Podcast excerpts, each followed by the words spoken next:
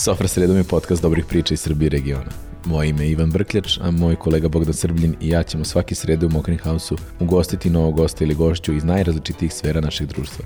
Od avanturista i sportista, preko umetnika i preduzetnika do jednostavno zanimljivih ljudi koji rade cool stvari. Uživajte u podcastu Sofra sredom koji se jednom nedeljno snima pred publikom na tremu kuće na ravnom bregu. Baš ovde, u Mokrinu. Nataša Tasić-Knežević je solistkinja opere u Srpskom narodnom pozorištu u Novom Sadu. Ova Beograđanka je svojim trudom i radom postigla da nastupa širom Evrope, a radila je i sa najeminentnijim vokalnim pedagozima u Evropi i van nje. Kao već ostvarenu solistkinju opere, Natašu je nagradio i OEBS, dodelivši joj nagradu za najistaknutiju romkinju na svetu. Dobrodošli. Dobro vas našla. Jako nam je drago da, da ste došli kod nas. Mi smo već počeli snimanje malo ranije, tako da ovo, eto, ali Za one koji ne znaju, Nataša je soliskinja opere u Srpskom narodnom pozorištu. Većina vas je vjerojatno pročitalo najavu za, za samu Sofru i eto kažem, ovo će biti neki opet neformalni razgovor gde opet ima neke, ajde kažem, neki par pitanja, ali neko prvo pitanje od koje bih ja želeo da krenem je Kako je došlo do toga da uopšte upišete solo pevanje i akademiju i to pogotovo nakon saobraćenog fakulteta i kako je ceo taj put? Mislim od početka čisto nekako dovedemo, onda posle idu neka, neka, neka pitanja onako malo specifičnija i to. E, dobro. Ovaj, pa ne znam, ja sam to Mislim, ja nisam iskreno da vam kažem ni razmišljala uopšte o stolpevanju. Ja znam samo da sam gledala tu filmovanu operu Carmen, meni je to stvarno bilo fantastično, te žene i ti muškarci obučeni, izgledaju prelepo na onoj sceni i svi pevaju bez mikrofona i to je meni bilo kako mogu bez mikrofona. To su za mene bili stvarno super heroji, supermeni i supermenke. I onda u jednom trenutku, eto, završila sam osnovnu školu, pisala vazduhoplovstvo, Petar Drapšin. A kako, kako si ta odluka? Zašto? Za, za Petar da, Drapšin, da, kako da. sam... Um, e pa Petar Drapšin je došao sasvim neočekivano. Mhm. -huh. Ja se ću ispričati u stvari kako je došao do Petra Drapšina. Mamin brat, pošto moj pokojni deda, on je bio policajac, ali ovaj, imao puno dece. Uh -huh. znači to su bilo ono porodice sa puno dece. I sad o, mamina sestra Zorka, ona je imala brata Ona je imala sina Voju, koji je moj brat, koji je bio u ratnom vazduhopolstvu uh, vojno lice. Mm -hmm. I on je, tako oni su dolazili često kod nas i jednostavno ja sam zavolila to nekako, to vazduhopolstvo mi je bilo deo mene, mislim, mm. i živjeli smo tu blizu aerodroma i tu su stalno avioni ovaj, sletali i poletali. Ja sam im mahala ono, da avione bacim bomboni i to kad smo bili mali. Međutim, onda sam polagala prijemni ispit, tela sam da upišem Zemunsku gimnaziju i sećam se tada na prijemnom ispitu, a to je stvarno istina, znači to je, to je za mene bio, pr, da kažem, jedan od prvih šokova. Ovaj, imala sam 94 boda mm -hmm. na mhm. prijemnom ispitu, ono, uradila sam sve super i direktor tadašnje uh, Zemunske gimnazije mi nije dao da upišem Zemunsku gimnaziju i nije teo Rometu u toj školi i ovaj, Moja mama je poludala. znači, kako, to, jeste, kako to mogu da... Pa lepo rekao je, pa to, to mogu da se kaže što onda ne može. mogu čovjek da kaže što nije mogu da kaže. To je njegovo, on je to rekao. I ovaj, i mamina prijateljica je jako dobra. Je predavala hemiju u tehničkoj školi Petar Drapšin na vazduhoplovstvu, ali sam ja morala da polažem dodatne neke ispite, dodatne, um, pošto u osnovnoj školi učili smo engleski, učili smo ruski i francuski, a nismo imali engleski jezik, a za vazduhopolstvo je potreban engleski jezik i stručni engleski jezik.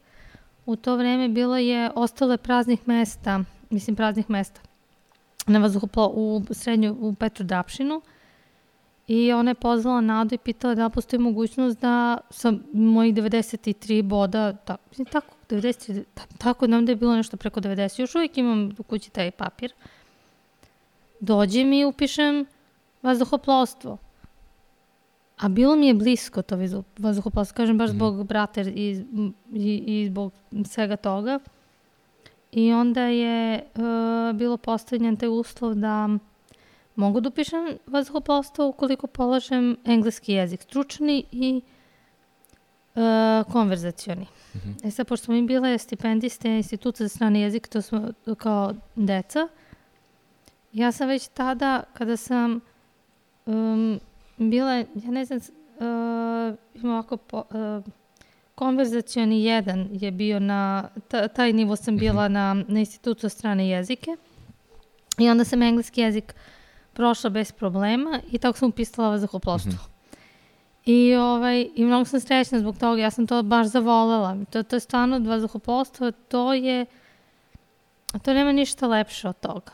Zaista, to je jedna sloboda, jedna ljubav, jedna posvećenost. Ti ljudi uh, koji brinu o svima nama dok letimo, to su zaista posebni ljudi. Znači, to ne postoji ništa lepše od toga, zaista. I, i ja kažem i ratno vazduhoplovstvo, meni je jako žao što je to sad u takvom stanju mm -hmm. naša vojska u kakvom je, nažalost, da, da mi nemamo,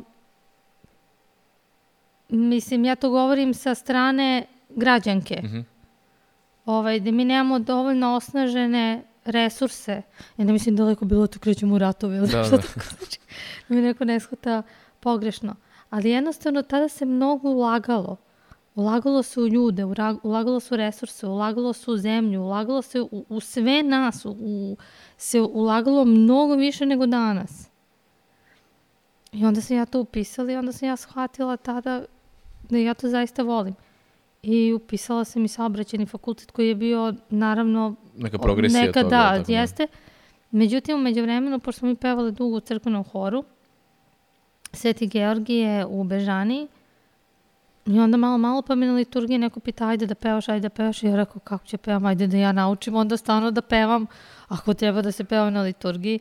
Jer za mene je liturgija u stvari, mi koji odgovaramo um, na liturgiji sveštenicima, mi u stvari od, uh, odgovaramo gospodu. Mm -hmm. Mislim, mi smo taj glas, jer kada se pročitaju, kada se prevedu sve te reči, koje hor i odgovara na ono što sveštenik uh, nama priča. To upravo jeste to. Mm. To je ta ljubav, to je ono što mi njemu dajemo.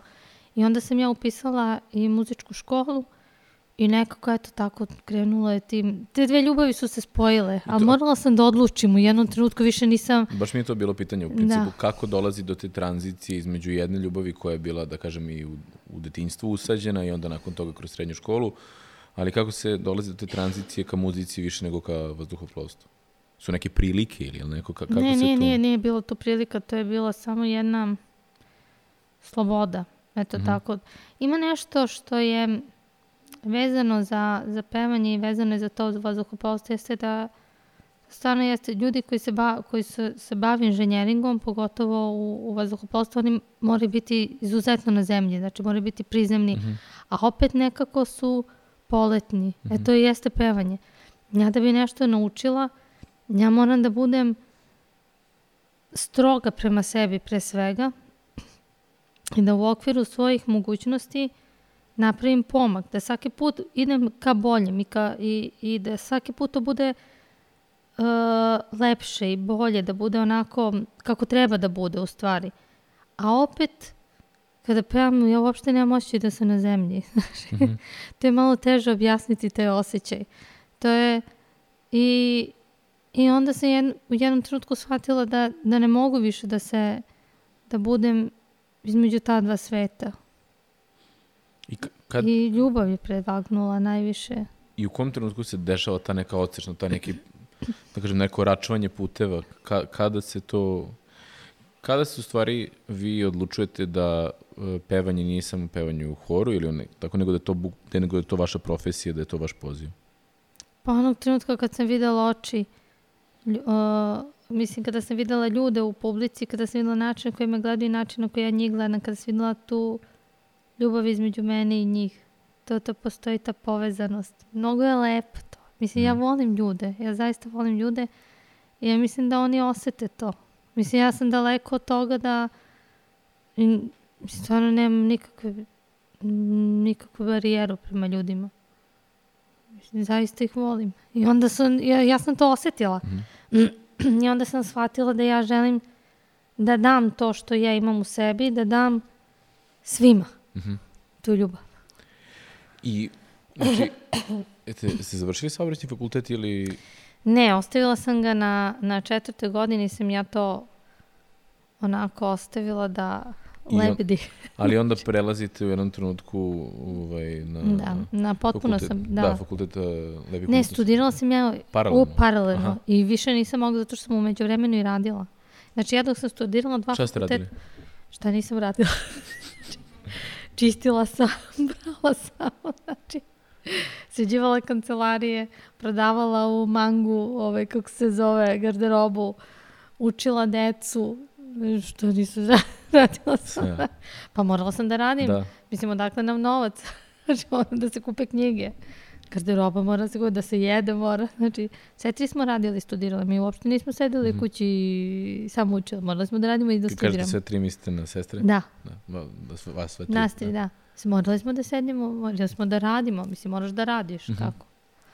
I kada se onda, ajde da kažemo, uh, u kom trenutku više ne mora, niste morali da radite, vi konkretno niste morali da radite uh, druge poslove, nego ste mogli isključivo se posvetiti, posvetiti pevanju? ne znam sad. ja ne znam šta ovaj pogled znači. I dok sam studirala, sam stalno radila druge poslove. Da. Znači, rade, evo sad ću kažem. Uh, radila sam u Dečijem romskom centru. Uh, dugo tu sam radila kao profesor matematike, fizike i engleskog jezika. I u osnovnoj školi Branko Pešić. Tu sam predavala sa starim fakultetom. I studirala oba fakulteta. Onda sam, pošto mi je bilo već to naporno da radim, da putujem po ceo dan da budem na nogama, jer ujutru ustanem u pet i dođem kući smrljeno u 11, znači ne znam za sebe. Dok ja legnem to je 12 sati i onda opet u 5 ustajem i opet ceo dan. Onda sam radila, mislila sam da će mi biti lakše ako budem radila u nekoj prodavnici ili da sređujem te kancelarije, međutim to Da. je bilo još teže u stvari. Ali nije teško fizički, nego zato što one omladinske zadruge uzmu 40%. Da. znači, para, oni opelješili su na sve. Mhm. Taj jadni ljudi na omladinskim zadrugama, to, to treba izbegavati. Ili makar neka ne uzimaju toliki novac, toliki procenat. Mislim, ti se ubijaš od posla, a oni ti uzmu pare, pa srce me zabolelo. E onda se desio taj trenutak kada uh, sam počela da radim kao razvodnica u ateljeu 212, a to je bio najlepši posao. Tad sam mogla da studiram oba fakulteta i da radim uveče i tad sam i učila isto u ateljeu, tamo se popnem negde i, i učim. Međutim, krenula sam sve češće da nastupam i jednostavno više nisam mogla sve to da postignem i odlučila sam se onda samo za pevanje i onda sam nastavila da radim u ateljeu sve dok nisam diplomirala. Mhm. A diplomirala sam na Vidovdan e, i sutradan sam um, videla oglas u novinama u poslovima da traže profesora solo pevanja na UBU za 50%. I odmah sam Šta otišla... znači za 50%? 50% fond časova, znači Aha. pola plate. I onda sam otišla ovaj, u, na fakultet i tražila potvrdu da sam završila fakultet. Sutrada nakon da... Sutrada da, nakon diplomskog, da. Jer ja, mislim da su me oni gledali kao da sam pala sa Marsa da, u sekretarijatu. I uzela sam tu potvrdu i poslala sam i dobila sam posao na UBU. I koliko dugo ste radili tamo? 10 godina. 10 godina. 10 godina sam ja putovala Beograd UB za 50%. I sa, sada ste, jeste sada zaposleni u Srpskom Da, narodnom sad sam pozorištu? a, zaposlena, samo sam pre, prešla s jednog posla na drugi. Prešla sam u SNP. Mhm. I sad putem za SNP. A i živite u Beogradu, da? Da. Kao rođeni novosađeni, moram pitam što se niste preselili na Novi Sad. Kao rođena Beograđanka. Neću, a? Volim Beograd sa svim Da. onim iskopinama, Da, da, da, okej. tunelima i ostalim stvarima koje niču na sve strane. Ne, ja obožavam Novi Sad. Tu sam često i dolazila i sve, mislim, fantastičan je grad. Ja zaista volim Novi Sad. To je upravo sad i još jedno ovaj, neko pitanje koje se praktično nadovezuje na ono što ste malo pre govorili, a to je kako je to imati porodicu i posao koji zahteva dosta žrtvovanja, e, putovanja, proba, mislim, meni se meni delo da to već godinama traje iz neke vaše priče, ali... Pa čita život. Čita život, ali ka, kako je to, kako on sada izgleda, recimo, kako, kako, kako objašnjavate neki svoj dan ili svoju neku nedelju ili... Pa ja ne znam kako to da objasnim, mislim, e, evo ovako, mi smo žene, ali tako? Žene imaju posao, da one rade svoj posao i onda dođu kući i nastave da rade posao. Znači, mi nikad ne stajemo. Da. I onda tako valjda nastaviš. Ja sećam da sam, ovaj, nema sad jedna zgoda, nezgoda. Ja sam se porodila i ovaj, Marija imala jako teške povrede pri porođaju, pošto je porođaj trajao ja ne znam, preko 20 sati je trajao porođaj. Oni su mene ostavili tako na stolu da visim. znači, Da nije nebo ni zemlja. da, pa ne, bukvalno je bilo tako na kraju. Jedva su me spasili meni dete. Ali je Marija rođena sa teškim povredama koje, zad, koje su zadobijene putem por, zbog porođaja i trebalo je novac da se ona ovaj, Rehabilitacija, mislim neko da to- se rehabilituje zato što je invalid, inv, rekli su da će biti invalid. Da. Aha. I ja sam znala, mislim, ja sam pozvala mamu i prijateljicu, sada pokojnu Ljiljanu Maksimović, ona je bila šef dečije hirurgije nekad u Tiršovoj i rekla sam koje povrede ima još dok sam bila u, u bolnici i ona je rekla ne sekiraj se, dovedi dete tu i tu, tad i tani šesti dan ona je krenula sa terapijama, ali je- nam je bio potreban novac za te dodatne terapije koje su bili kući koje su stvarno koštale. I onda sam ja rekla, dobro, znači ja moram da počnem da pevam. I ja sam sedmi dan onako katastrofa, žene znaju kako to izgleda posle porođaja. Ustala i krenula da pevam, da vežbam. I onda smo zaradili novac za, mislim, za, njeno, za taj njeno poravak i sve to, ali evo ima jedna scena baš baš iz pozorišta, ona je imala, pa imala je možda manje od mesec dana. Ja sam otišla u pozorište da imam probu i sad ja onako držim, mislim dojim je, ali sa maramom, onako sve i pevam, ja se onako operski sad moj pijanista stoji tu, on svira, svira i ja pevam i držim dete, mislim, treba mi novac, ja znam samo da mi treba novac, suprug ja smo znali, nama treba novac za lečenje deteta i mi moramo da ga nađemo kako znamo i umemo, znači to ne postoji, mogu, ne mogu, zdrav si, nisi zdrav, moraš. Mhm. I sad sedi tu moja koleginica Slađana i Slađa kaže, molim te, daj mi je da možeš makar, nećeš izdržati. I ja onako njoj dajem Mariju u nadi da, da ću makar ono malo opustiti ruke, da, da me ne bole. Ona počinje da vrišti, katastrofa, mislim da je ceo peti sprat u narodnom je čuo. I sad gleda moj pijanista. Sad Đana, vrati Mariju Nataši, vraća, vrati na Mariju Nataši. Hoćeš fraz da dobijem ovde, vrati, vrati. I ovako svira, svira, svira. I govori, ja uzimam dete i ovako, i pevam, znači. Pa nikad nisam prestala da radim. Nema toga da staneš. To Ne mislim, vredi. mislim, fen, mi- mislim, fenomenalno i užasno u isto vreme. Mislim, s jedne strane svaka čast, s druge strane strašno je što, što ste morali da prolazite kroz to da u periodima kad ste ranjivi i vi ide, idete pogotovo u, u, Ona je bila na dobra. Mislim, nama porođaj. je bila moja mama najveća podrška i moje sestre koje su stvarno upadale kad god su mogle. Kad god bismo mi odlazili na dva, tri dana, one su bile tu. Mhm. Ili, ali mi nikad nismo gledali da, mi smo krenuli tek da putujemo, da zarađujemo van Srbije suprug i ja, pošto je suprug pijanista, tek kad je ona napunila godinu dana, da smo mogli da ostavimo, da kažemo, na dva dana. Ja odem taj dan, uveče otpevamo koncert i odmah se vratimo sutradan. To nam je bilo onako jedina prihvatljiva varijanta, ali to isto da, mislim, pevanje nije samo da, to, to je ono što, na primjer, neki ljudi ne razumeju.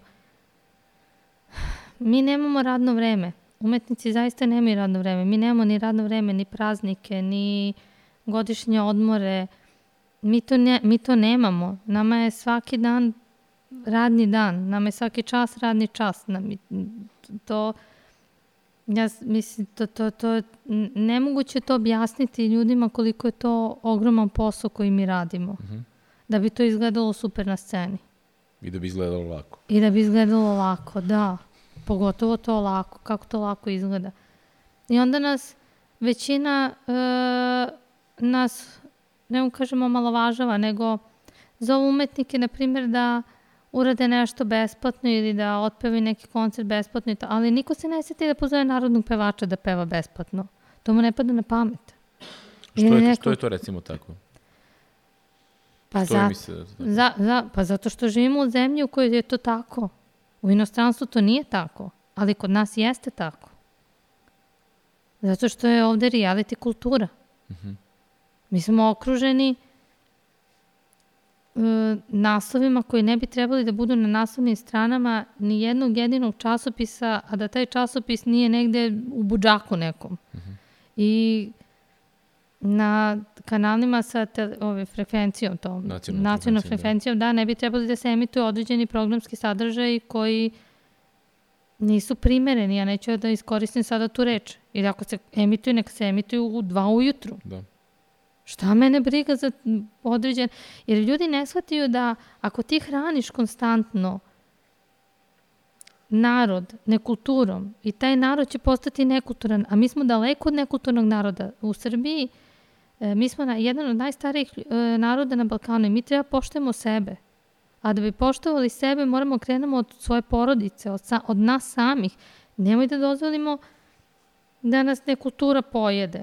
Ja ne znam odakle, to, to, to, to, to ni 90-ih nije bilo. Ovo, ja stvarno ne sjećam se da je bilo ovako 90-ih sa tim reality. Možda zato što nije bio taj internet i, i sve to. Mislim, ne znam, ali Ja isto ne, ne, ne, ne znam, nemam odgovor na to pitanje, ali slažem se tu sa tom konstatacijom da smo stvarno postali nestrpljivi, nekulturni, nekulturni, mnogo nekulturni nego što smo bili, da smo prema jedni prema drugima užasni, mislim, pre svega...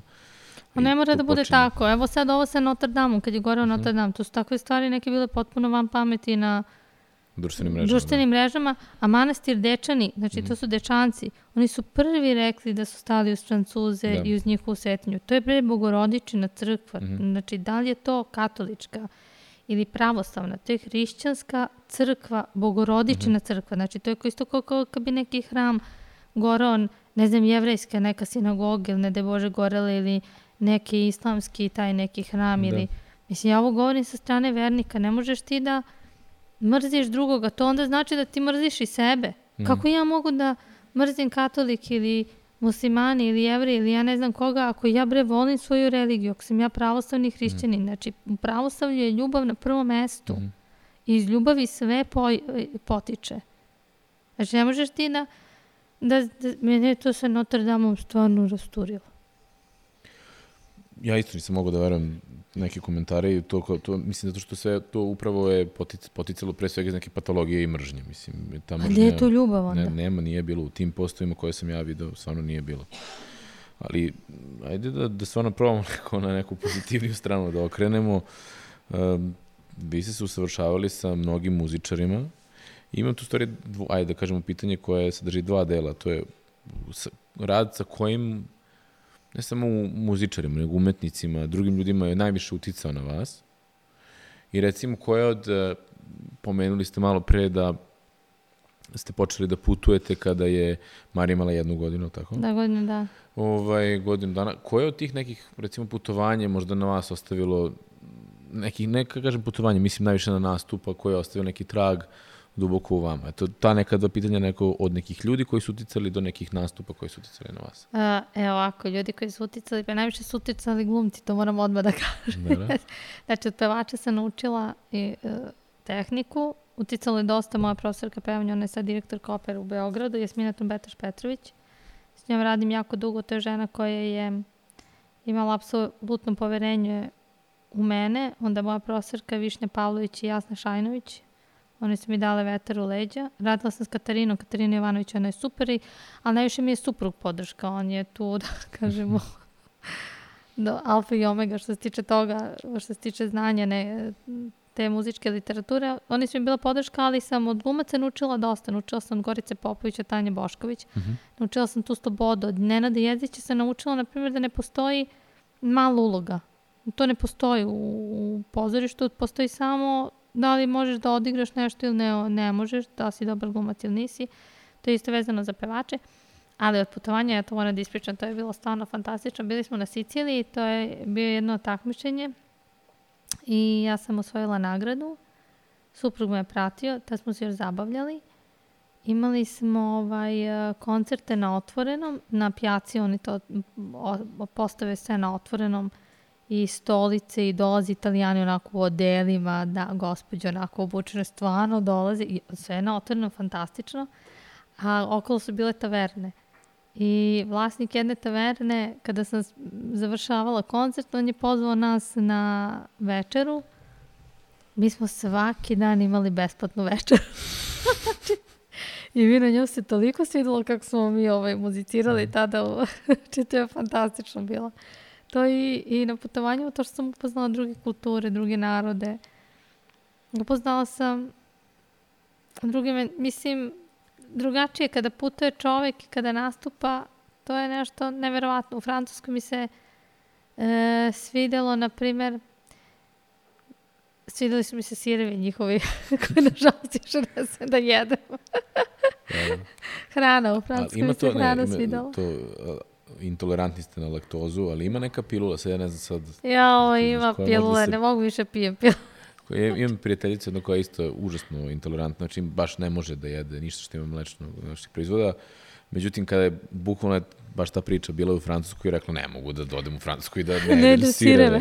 Međutim, ima nešto što je ona uzme tu i to neutrališe ne znam na koji period i onda je mogla da, da ipak... Ima, ima, ima ta pilula, pijem je i ja, znači Ne, ima, ima za, za laktozu i sad su nešto kao izmislili da ukoliko dođe do kontaminacije sa tim kao glutenom može, ali ja to uopšte ne želim da, mhm. da kontaminiram. Da.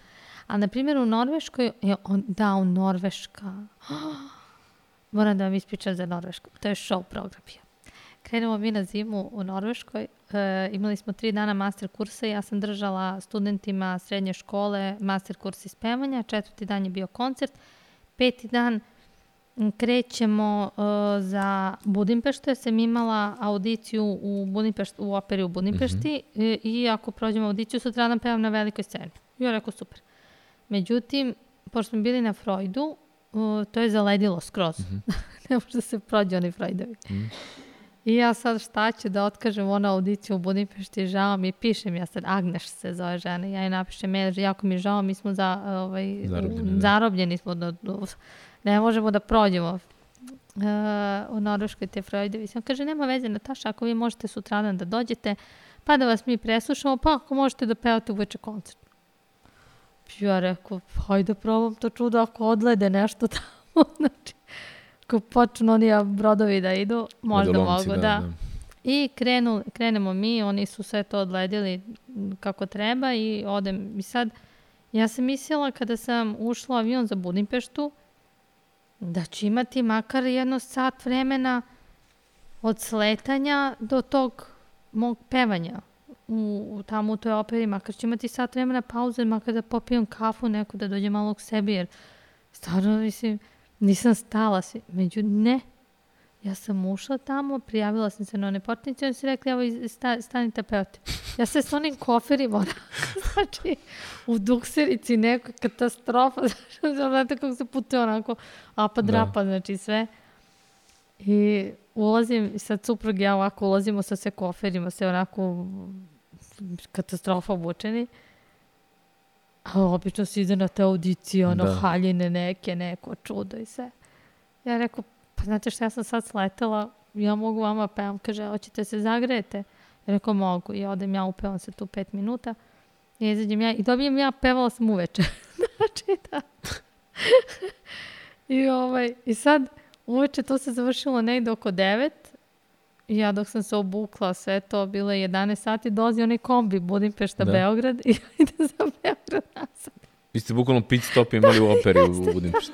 da, da. pa, verovatno, ovaj. A... A takve stvari je bilo milion, znači to takve stvari su se neverovatne dešavale da ja, da ja nemam reči, da to, to, to kad ali, bi nekom pričala ne bi verovala. Ali evo, pomenuli ste ovaj, da su vas no, u tim tavernama koji su na toj pjaci Sicilijan, sad koje mesto je bilo, ali da su vas uh, bukvalno zbog toga kako ste, kako ste rekli, muzicirali, da su vas zbog toga i cenili i častili, yes. zvali. E da. sad, to je opet neki odraz neke njihove kulture. Yes. Kako sa te strane ocenjujete neku, na primjer, situaciju u operi u Srbiji ili u regionu ili kako se ona uspoređuje sa takvim nekim da kažem, stvarno otvorenim pristupom prema toj vrsti muzic, muzike i kako je to kod nas? Pa, ja mislim da Kakav je odnos? kod nas, Da. na primjer, imaju um, kako kaže, neku vrstu um, rezervisanosti prema operi. Oni misle da se mi samo deremo. znači, da, znači. A, ovaj, a onda kada dođu u operu, strah od neznanja, da. Zato, I onda kada, ali kada uđu u operu i kada vide sve to, njima se to svidi. I to stvarno bude ljubav na prvi pogled, zato što to jeste jedna neverovatna umetnost. A, na primjer, operski pevači, oni mogu da pevaju sve. Imam, evo moram to da kažem, imam ovaj, učenicu, zove se Dragica Maletić, gotičarka je. Mhm.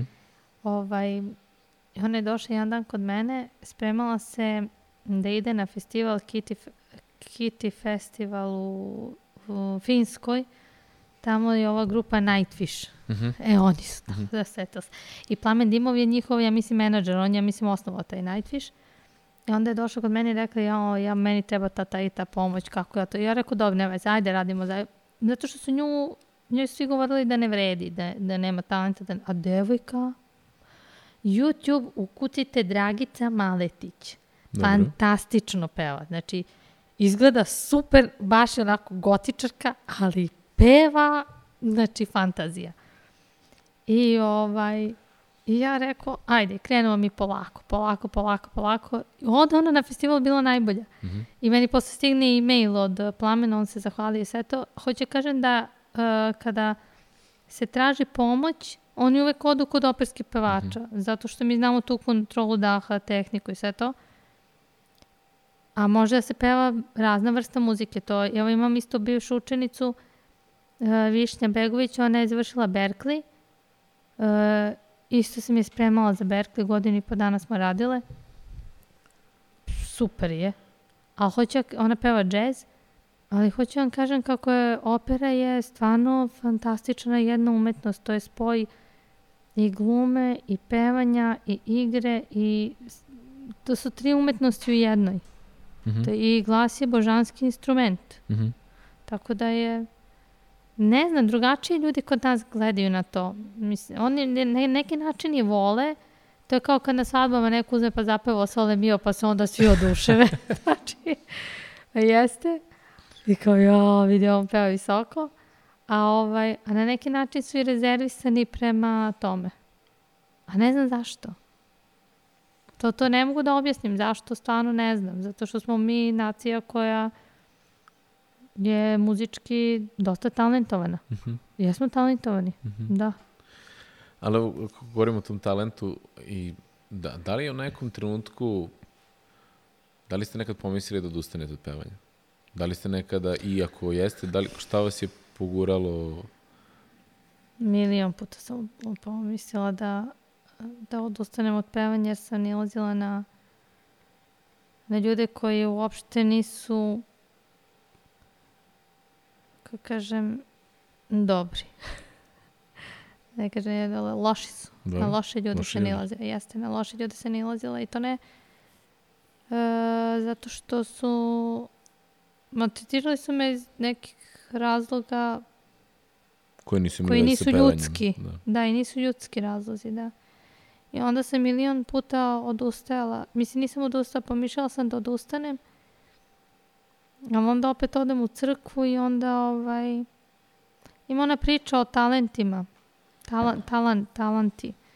E, kada su dati talenti slugama, pa da sluge naprave nešto od, od, od njih. Da, mislim, to su stari talenti koji su dati svima nama na rođenju. I sad od nas zavisi da li ćemo mi te talente da zakopamo ili ćemo od njih napraviti nešto. I taj talent koji ti je dat, on ti je dat sa razlogom i dat ti je da ovaj da imaš tu određenu dozu odgovornosti. Ti moraš da imaš odgovornost prema svom daru. I moraš da mora da postoji razlog zbog čega je on baš tebi dat. Mislim, ja sam baš imala krize da odustanem od, od toga često. A, a Vera je se- bila odgovor Vera koji je bila odgovor da, da nesam i i onda je to stalna ta borba unutar sebe Ali eto, opet nekako uz tu ljubav i veru idemo dalje. meni deluje da tu ima i doze odgovornosti, prema, ako kažemo o tom nekom talentu koji je vama dodeljen pri, rođe, pri rođenju.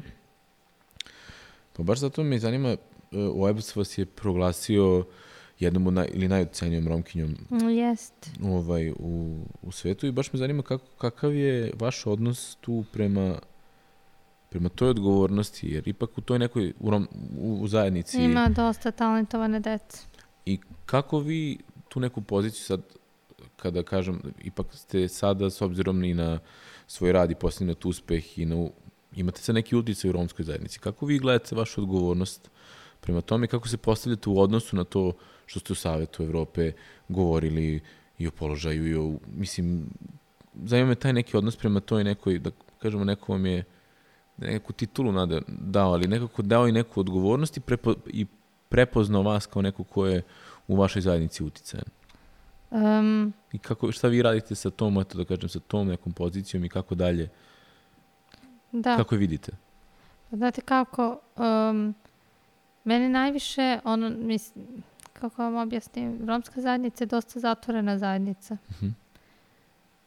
Pogotovo, ovaj, um, ukoliko tu postoje, tu imamo problem, na primjer, sa decom, ja to javno pričam, ja, mislim, ja neću nikada prestati o tome da pričam. Ja sam, baš se protivim tim ranim brakovima oko devojčice, jer one jadne nemaju izbora, mislim, one kažu kako se ne... Ja sam napisala blog, pišem blogove za Mhm. B92 i napisala sam jedan blog vezan za neku pesmu koji je određeni takmičar na Euroviziji otpeo, neću sad da ga spominjem, to što mi iznervirao tada. što sam to napisala na otpeo tu pesmu. I onda sam baš blog posvetila tome.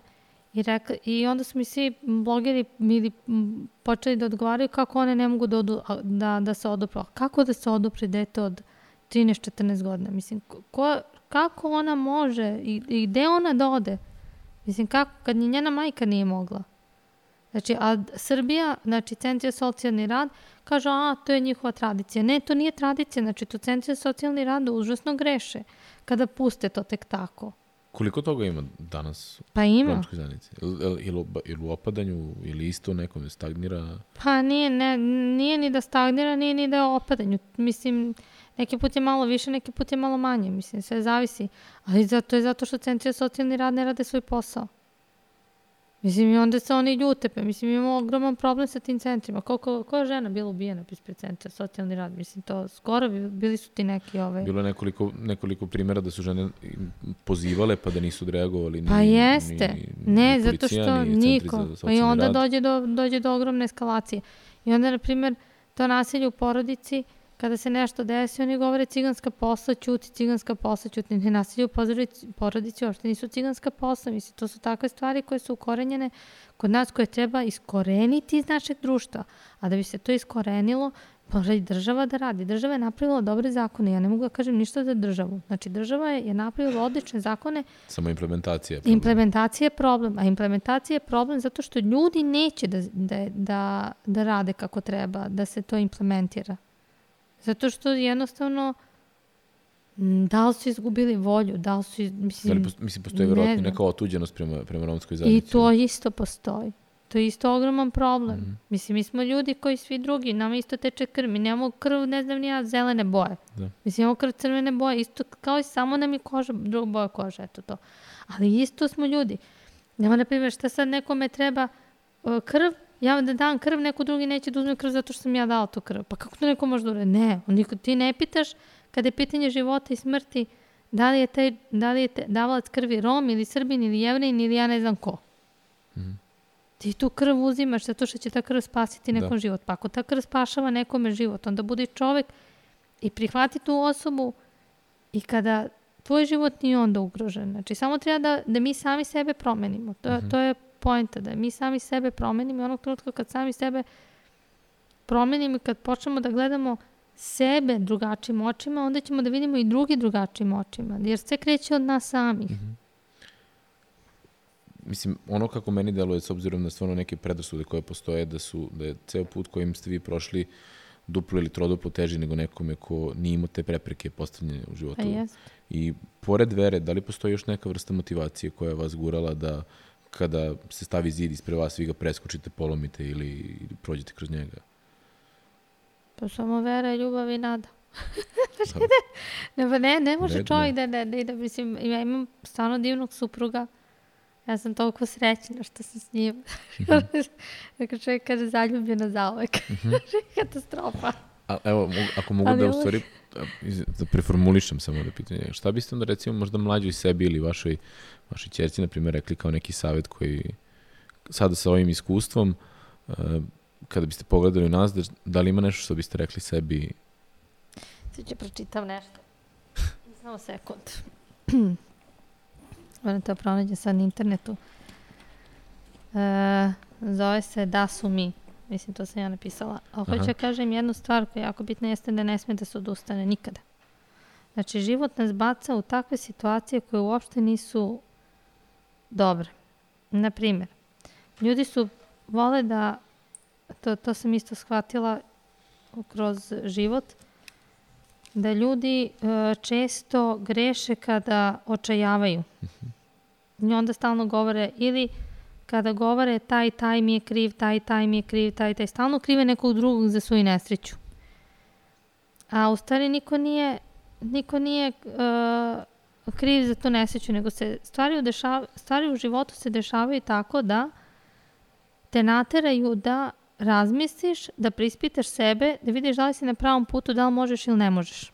Ukoliko možeš, onda se pomoliš, ja to tako radim, mislim neko drugi možda izmeditira ili već ne znam ni ja, tako nešto.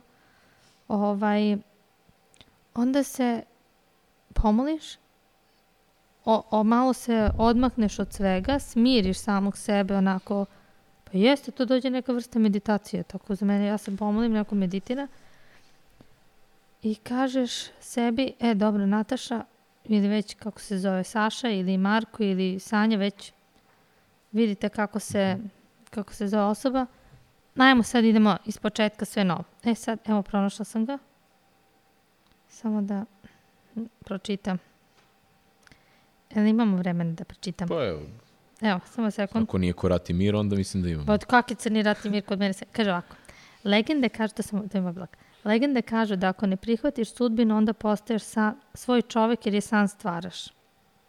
Da sam slušala savete koji su mi savetovali ljudi koji su se plašili da istraže svoje mogućnosti, nikada ne bih uspela. Da sam gledala na život sa strahom, nikada ne bih volela. Da sam se stidela toga što jesam, nikada ne bih postala ono što sam danas. Da je svet bez boja, nestali bismo u sivilu svojih strahova. Da je reka bez izvora i bez ušća, nikada ne bi prigrlila život u svoje tokove, da je sunce bez meseca, nebo ne bi imalo zja, zlata nocija i u brdima. Da sam ono što nisam, ne bih ustala posle najtežih udaraca zadobljenih od strane onih koji misle da su svemogući. Gospodari tuđe sreće i nesreće. Da ne hodam bosa kroz život ne bih znala za bol i sreću, da sam neko ko nisam ne bih se smejala i kad mi srce plače. Ima tu još svašta, ali...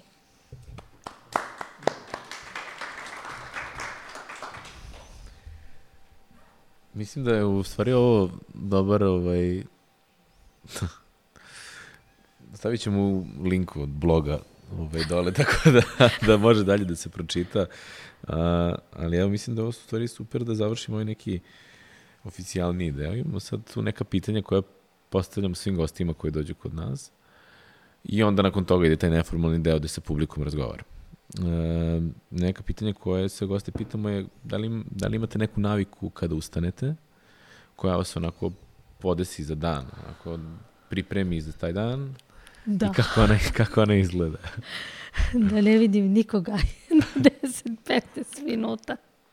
Pošto imamo psa, moja ma, mala i ovaj, kako se zove, dovela psa pre godinu i po dana i sad do, do pre mede, ja sam onda ustala pola sata pre svih i onda popijem kafu, to, da nikog ne vidim, ne, a samo na pet minuta, ja, mojih pet minuta. E sad, Meda je za ove godine i po dana naučio tih mojih Mhm. pet minuta, pola sata i on tako sedi tu, ne mrda se, znači ta jutarnja kafa, to, to i taj neki smuti, napravim neki smuti, to me sve krva me natrela da pijem te neke smutije, znači, ali dobri su, dodam bananu i sve ostalo i onda teram dalje. Tako da, eto, tih pola sata da ne vidim nikoga. Mhm. ujutro rano. Da se onako smirim, da dođem k sebi, da sve sve to. E onda ovaj, budim sve ostale i onda krećemo Akcije. akcija ceo dan. E, Doručak, ručak, večera, učenje, vežbanje, sve. Koju knjigu ste najviše puta preporučili ili poklonili nekome drugome? Dve knjige. Dobro. Dnevnik Ane Frank da. i Plavi čuperak Mike Antića. Znate da je Kandić iz Mokrina? Stvarno? Da. Ja! Nisam znala. Ovaj, da, da, da. E, do sada, da, evo još jedno dalje pitanje, da sada držite predavanje e, neko koje nije vezano za muziku, iz čega bi to predavanje bilo? Neki vaš, ono, recimo, hobi, da li je ostvaren ili neostvaren? Štrikanje. Štrikanje. Jeste. Super, da štrikam. su, super. Ne, upravo to su ta pitanja koje želim. Da. I šta je nešto što većina ljudi, e, što, što mislite da većina ljudi, čak i ljudi koji su bliski vama, ne znaju o vama? Ja... Ne znaju. Pa ne znaju uveče kad legnem da spavam. Da ovako zatvorim oči da sanjam sutra kakav bi dan žela da mi sutra bude. To. Da ga zamišljam onako. Svaku noć. Tako noć. Čita život tako od malena. Nataša, hvala vam što ste bili gost na Sofra sredom. E, I ovim delom sada završavamo ovaj oficijalni deo. E, hvala. Hvala.